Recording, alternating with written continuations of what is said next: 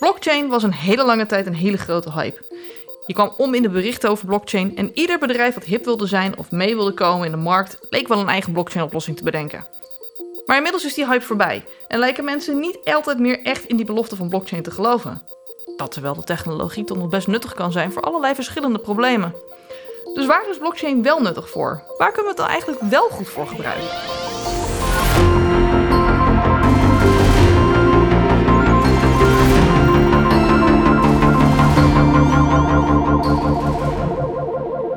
Ik ben Eveline Meijer, redacteur bij AG Connect. En in Toekomstmuziek praten we hierbij over de meest interessante technologische ontwikkelingen. Vandaag ga ik in gesprek met Dr. Jan Veuger. Hij is professor en lector blockchain bij Saxion. En we gaan in gesprek over waar blockchain nu staat.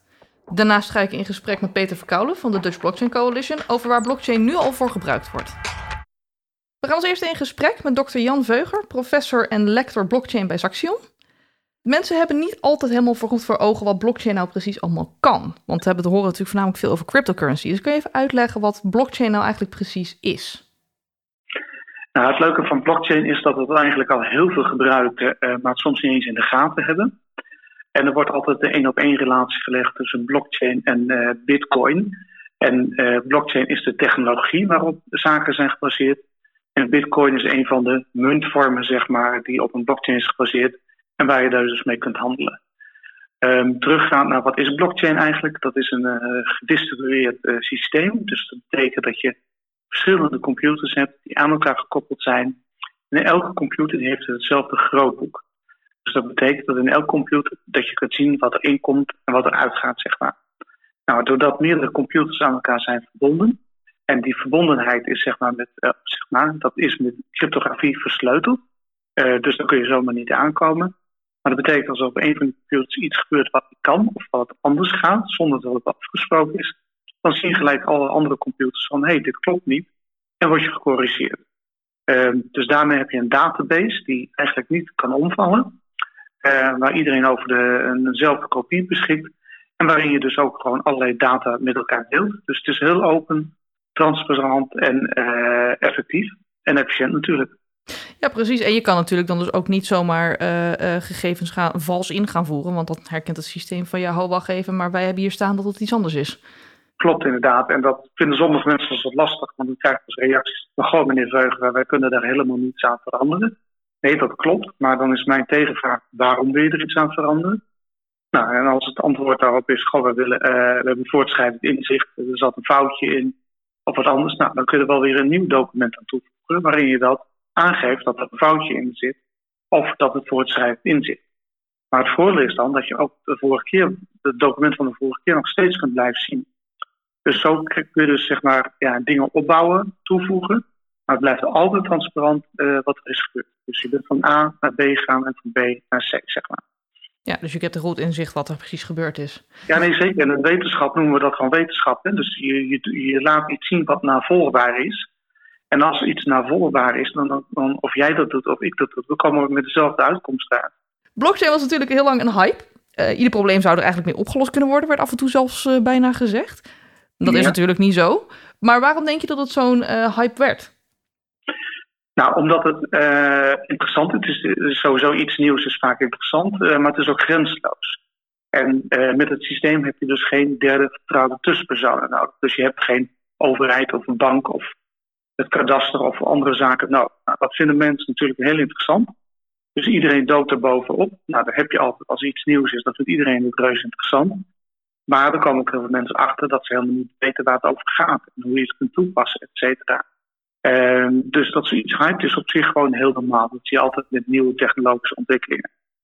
Uh, maar als je het een beetje vergelijkt wat er in 2015 gebeurde ten opzichte van 2020, dan zie je op een gegeven moment dan gaat de hype af uh, en dan, zie je wat minder over in het nieuws, bij van spreken. Maar het heeft zich wel doorontwikkeld. Dus als je nu, uh, dat heet dan wetenschappelijk, naar de hype, naar hype cycle kijkt, uh, dan zie je dat soort technologische bewegingen. En het zit nu in de vierde, vijfde fase, zoals dat heet. En dat betekent dat het zich heel steady aan het ontwikkelen is. En dat gaat best heel hard. dus ik riep voor twee jaar terug van binnen vijf jaar is blockchain mainstream. Nou, dat gaat redelijk lukken, denk ik. we hebben nog drie jaar te gaan. Uh, maar je ziet dat het zich nu heel sterk aan het ontwikkelen is. En voor wat voor dingen wordt het nu dan gebruikt? Want we horen natuurlijk veel over cryptocurrency, maar het kan veel meer, lijkt mij. Ja, kijk, cryptocurrency is maar één van de dingen. En er zijn wel honderd verschillende muntjes. En ja, de meest bekende is dan Bitcoin. Maar je kunt het voor heel veel uh, zaken gebruiken. Je kunt het in de supply chain management gebruiken. In de containerindustrie in Rotterdam wordt het gebruikt. Je kunt het in de zorg gebruiken voor data. Je kunt het in de zorg gebruiken voor alle hulpmiddelen die er zijn. En, en, weet je waar wat is en wie wat gebruikt, zeg maar. Uh, je ziet het in de bankaire wereld natuurlijk. Dus ook de Europese bank is ook druk om een uh, digitale euro te ontwikkelen. Uh, je ziet het in het transport, je ziet het in de foodindustrie. Dus een bekende is Fairtrade met de chocola en de koffiebonen, zeg maar. En, en de essentie van al, al die dingen, zeg maar, dus er zijn legio voorbeelden, is dat je gewoon transparant zijn in wat je leeft en, en dat je ook weet wat je krijgt. Uh, dus je kunt het wel hebben over een groene appel, dus een duurzame appel. Maar ja, dat kan mijn buurvrouw ook zo maar zeggen. Uh, doordat je dus die data op een blockchain hebt zitten, kun je dus aantoonbaar maken dat het inderdaad een duurzame appel is in dit geval. Tegelijkertijd merk je ook wel, nu die hype weg is gegaan, dat er een beetje een aversie tegen ontstaan is. Je merkt toch wel dat mensen er opeens denken van ja, ja, komen zij weer aan zitten met hun blockchain. Dat is dus niet helemaal terecht. Nee, dat is zeker niet terecht. Dat, dat noem ik wel het adoptieprobleempje. Uh, toen wij uh, in, Nederland uh, voor de eerste keer een mobiele telefoon hadden, was er ook heel veel aversie. Dus dat het nodig om continu gebeld te worden, bereikbaar te zijn en dat soort dingen. En nu zie je van wij kunnen niet zonder onze smartphone, zeg maar. Dus dat zie je altijd met technologische ontwikkeling beginnen, is altijd wat aversie. Dat is één. Twee, wat belangrijk is, doordat je die vertrouwde derde tussenpersoon weghaalt, kom je dus ook aan de business van mensen, van bedrijven. dus dat betekent als je in de accountancy spreekt, zeg maar, ja, het inboeken van die, al die bonnetjes, dat hoeft dan niet meer. Maar ook, ook dat zijn soms urenfabrieken die je daarmee een omzet halen. Dus de aversie zie je vooral bij partijen die zeggen van ja, maar wacht eens even, dit raakt mijn business en dit vind ik niet leuk. Dus ik ga van alles roepen, energieverbruik over, dat het niet inzichtelijk is, et cetera. Uh, maar dan zie je dat men er niet altijd even goed mee bekend is met, met dit soort zaken. Dus het is een no normale, natuurlijke, menselijke reactie wat dat betreft. en ondertussen zie je dus dat steeds meer mensen niet alleen in de gaten hebben, maar er vaak wel mee werken. En als je dan ook de logica van zoiets uitlegt, en je kunt in de groep, al dan niet openbaar, al dan niet privé, zaken met elkaar delen. En iedereen praat over hetzelfde. En je kunt dat snel en efficiënt en effectief doen. Ja, dan is het gewoon reuze interessant. En natuurlijk, blockchain is geen heilige graal voor, uh, uh, alles, zeg maar. Maar dat kun je ook voor andere dingen zeggen. Dus je moet echt van tevoren afvragen: wat is mijn probleem en wat heb ik daarvoor nodig? Nou, blockchain is een van de oplossingen. En ik denk ook een hele goede, maar het is een van de oplossingen. Ja, precies. Want wat je ook zegt van uh, het raakt de business, je hebt minder mensen nodig. Maar dat betekent ook dus dat je minder getrainde mensen nodig hebt. Dus op plekken waar minder mensen zijn die bepaalde training hebben, zoals accountancy, dan kan het juist hartstikke handig zijn. Ja, kijk, wat er uiteindelijk gebeurt. Uh, kijk, gaan banen verdwijnen, maar er komen ook nieuwe banen. dus er veranderen gewoon dingen. Dus net zo goed als je voorheen op maandag een briefje in de brievenbus kon krijgen. Nou, die, die komt bijna niet meer langs. Maar de pakketjesbezorger komt uh, vier keer op een dag langs, bij wijze van spreken. Dus er zijn gewoon normale maatschappelijke veranderingen. Ja, natuurlijk, er verdwijnen banen, maar er komen net zo goed nieuwe banen terug. En als je bijvoorbeeld naar de accountancy kijkt, dan denk je, ja, dat zal misschien banen kosten. Maar aan de andere kant, het duwtje als daar ook een positieve manier omhoog, dat je op een hoger niveau uh, nog steeds als accountant de handtekening zet op een jaarrekening. Dus je hebt die know-how wel nodig, alleen uh, op een wat hoger niveau. Ja, daarom. Hey, en nou zeg je van, nou, eh, binnen drie jaar is uh, blockchain mainstream. Wat moet ik me daarbij voorstellen? Nou, dat het voor heel veel toepassingen wordt gebruikt. Ik, ik had laatst een leuke discussie op LinkedIn en zei ik van, ja, het is ook een oplossing voor alles en geef eens een paar voorbeelden. Nou, toen had ik even gegoogeld op uh, Google Scholar, dus, dus wel de wetenschap, zeg maar, dat ik binnen 0,05 seconden 300.000 voorbeelden. nou, dat heb ik er netjes opgezet, zo van, nou, hoeveel voorbeelden wil je nog meer hebben? Het gaat me niet om, om vervelend te doen of wat ook, maar het wordt heel veel toegepast.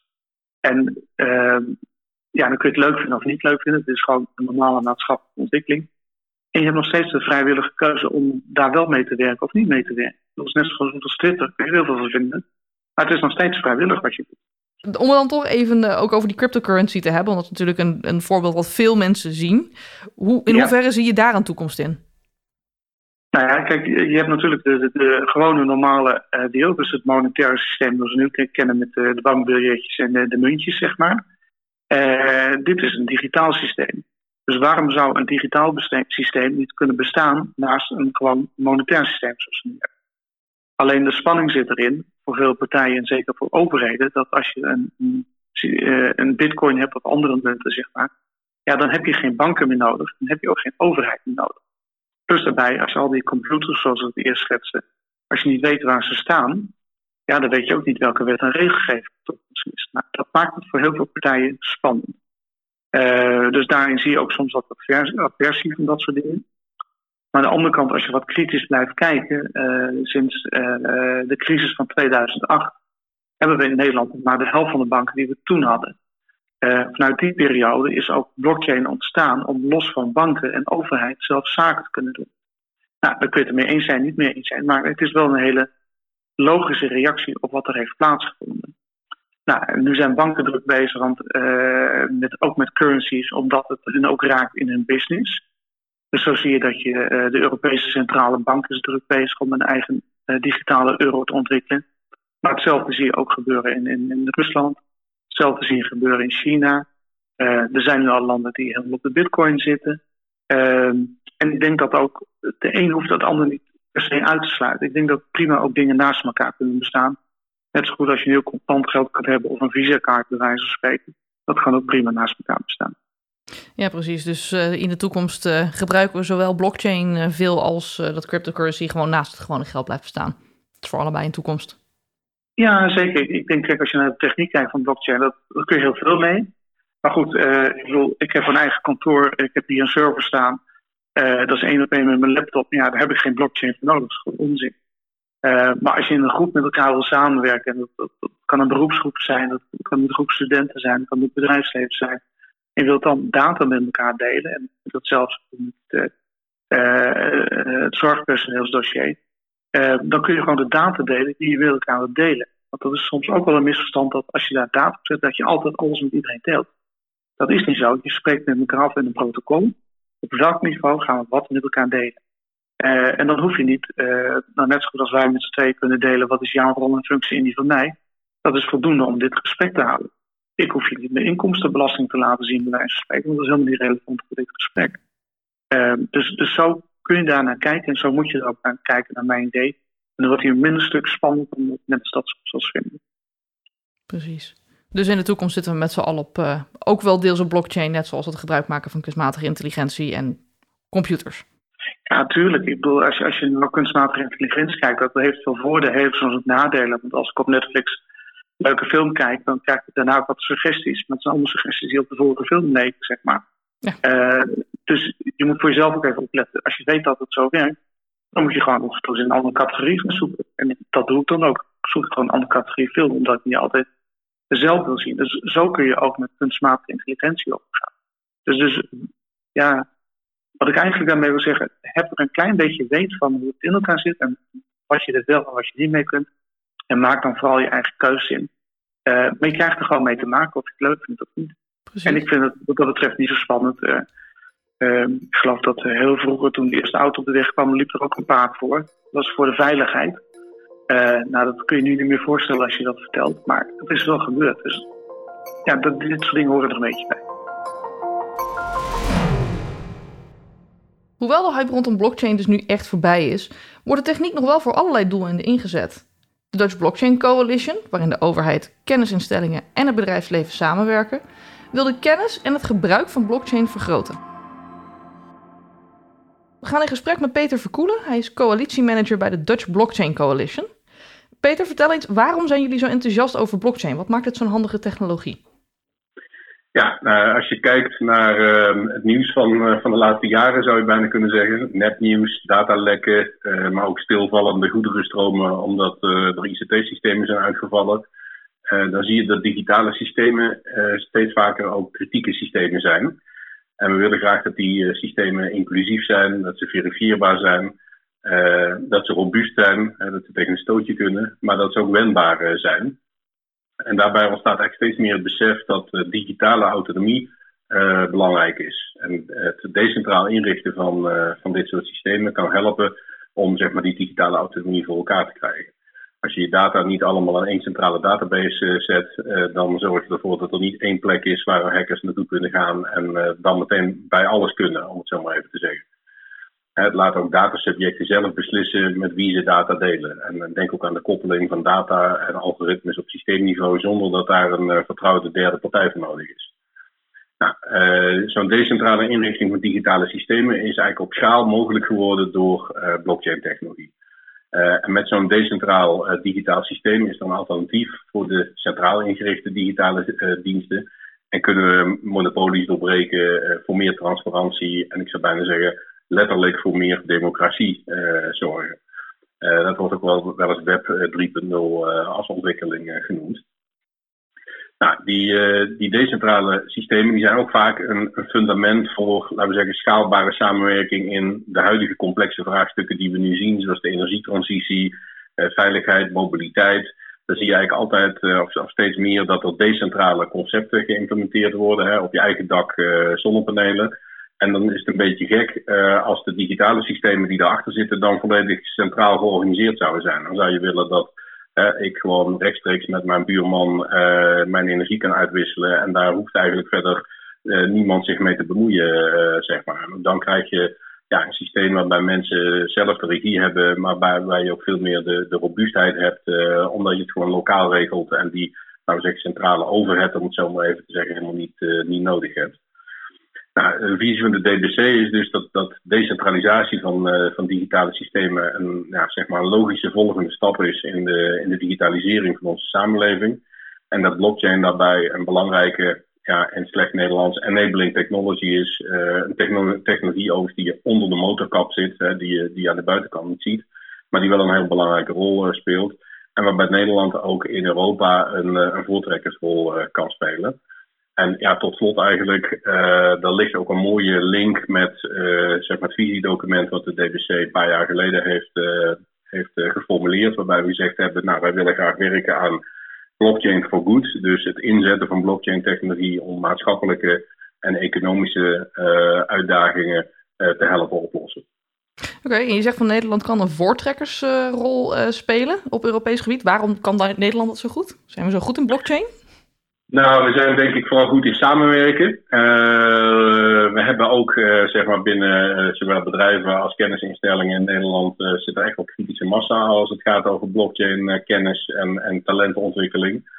En, en overigens is dat wel een van de uitdagingen om dat verder uit te bouwen en ook om te zorgen dat, ja, dat we dat talent dan ook in Nederland houden.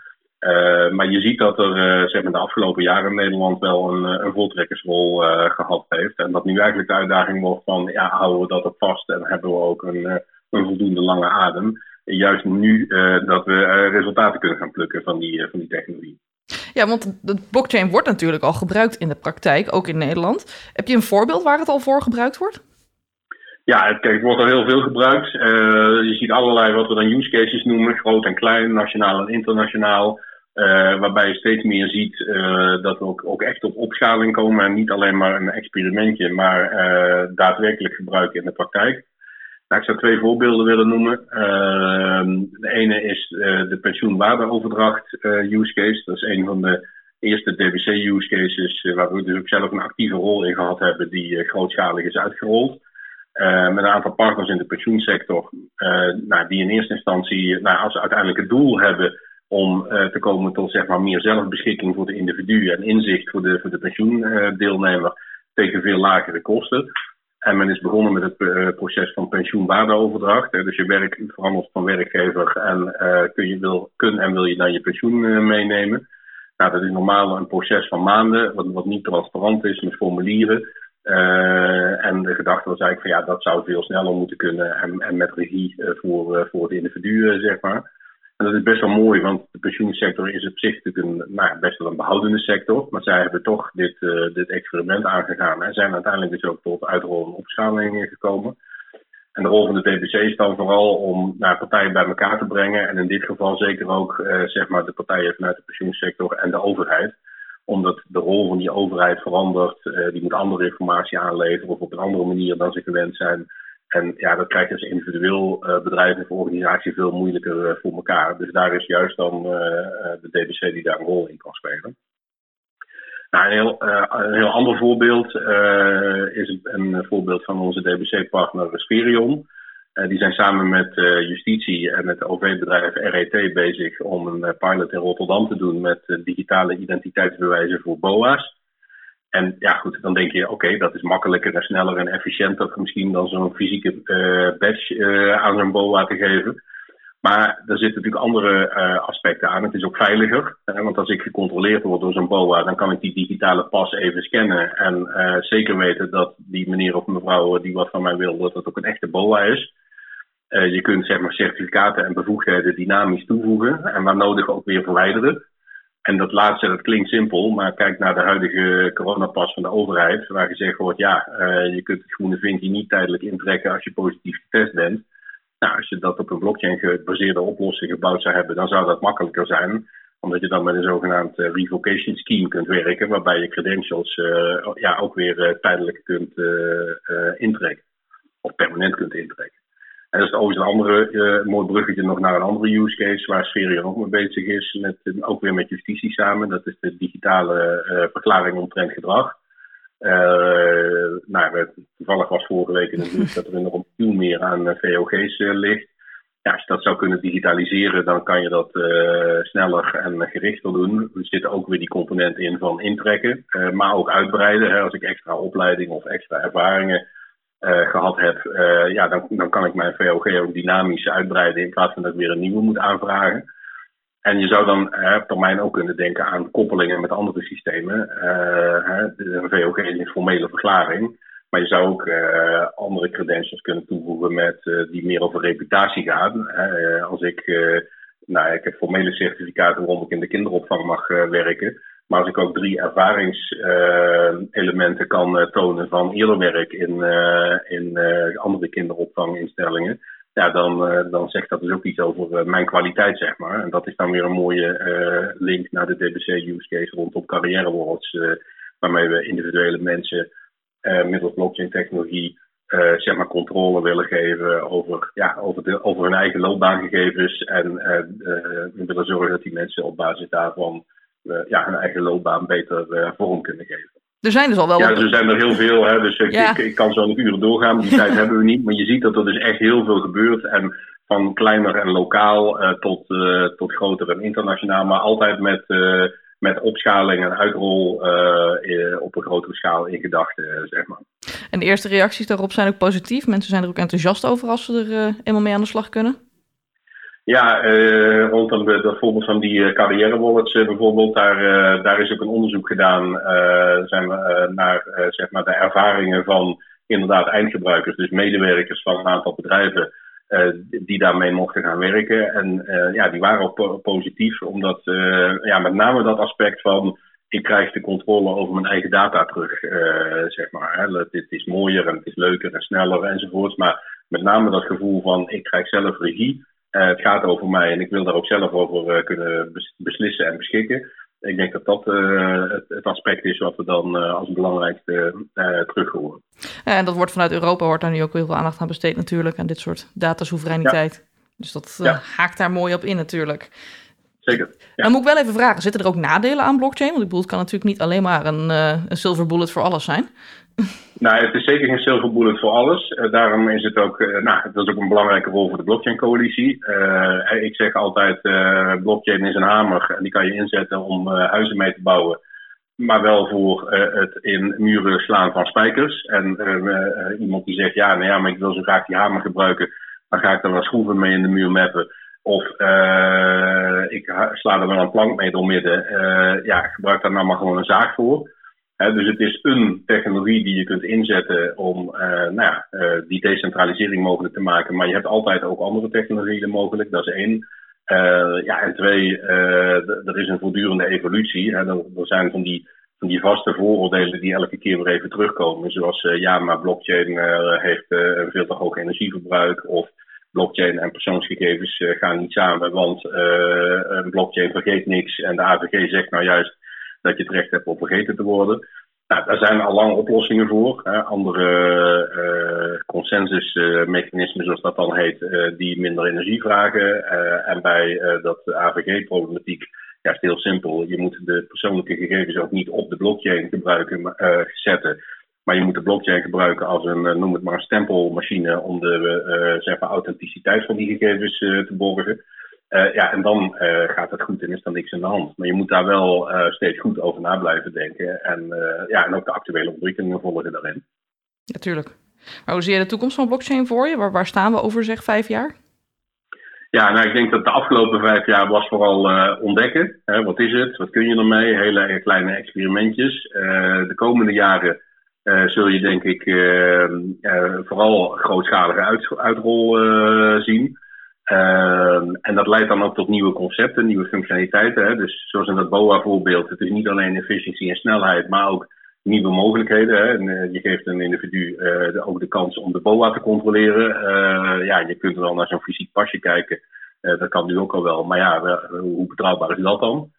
En je ziet ook nieuwe ontwikkelingen rondom specifieke concepten rond blockchain technologie. Tokenisering is daar één van dus simpel gezegd leg je bij tokenisering een link tussen een uh, digitaal token en een element van waarde in de praktijk. Een hoeveelheid energie, een hoeveelheid geld, een stukje data. En dat token wordt op de blockchain gezet, waardoor het zeg maar decentraal en veilig van eigenaar kan wisselen. En zodat je echte assets digitaal representeert met behulp van blockchain technologie. Inclusief de rechten en de plichten van, de waarde, van het waarde-element wat eraan gekoppeld is. Nou, zo zie je dat er, hè, dus enerzijds uh, ga je opschalingen en, en uitrol zien. Anderzijds zie je steeds uh, nieuwe, uh, ja, nieuwe elementen ontstaan, zal ik maar even zeggen. Ja, precies. Maar dit gaat dus wel echt gewoon een onderdeel worden van onze samenleving. Lijkt het op. Ja, dat is het ongemerkt al. en dat gaat, dat, gaat echt, dat gaat echt een vlucht nemen, denk ik. Zijn er nog uitdagingen waar we rekening mee moeten houden voordat we er echt groter mee kunnen uitrollen?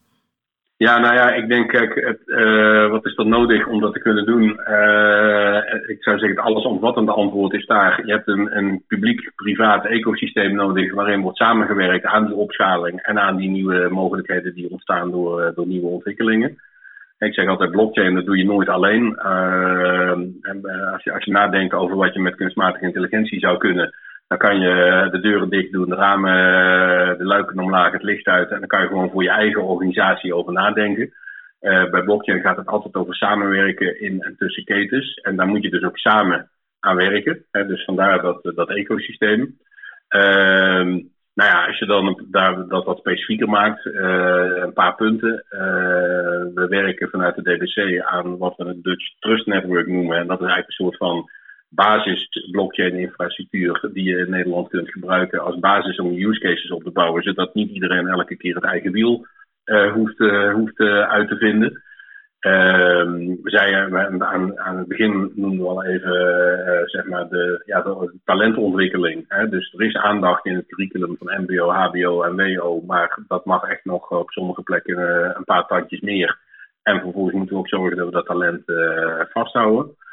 Uh, uh, nou, ecosysteem noemde ik al. Ik, uh, dat is misschien wc eend uh, zeg maar opmerking. Maar de blockchain coalitie kan als centraal ankerpunt daar dienen.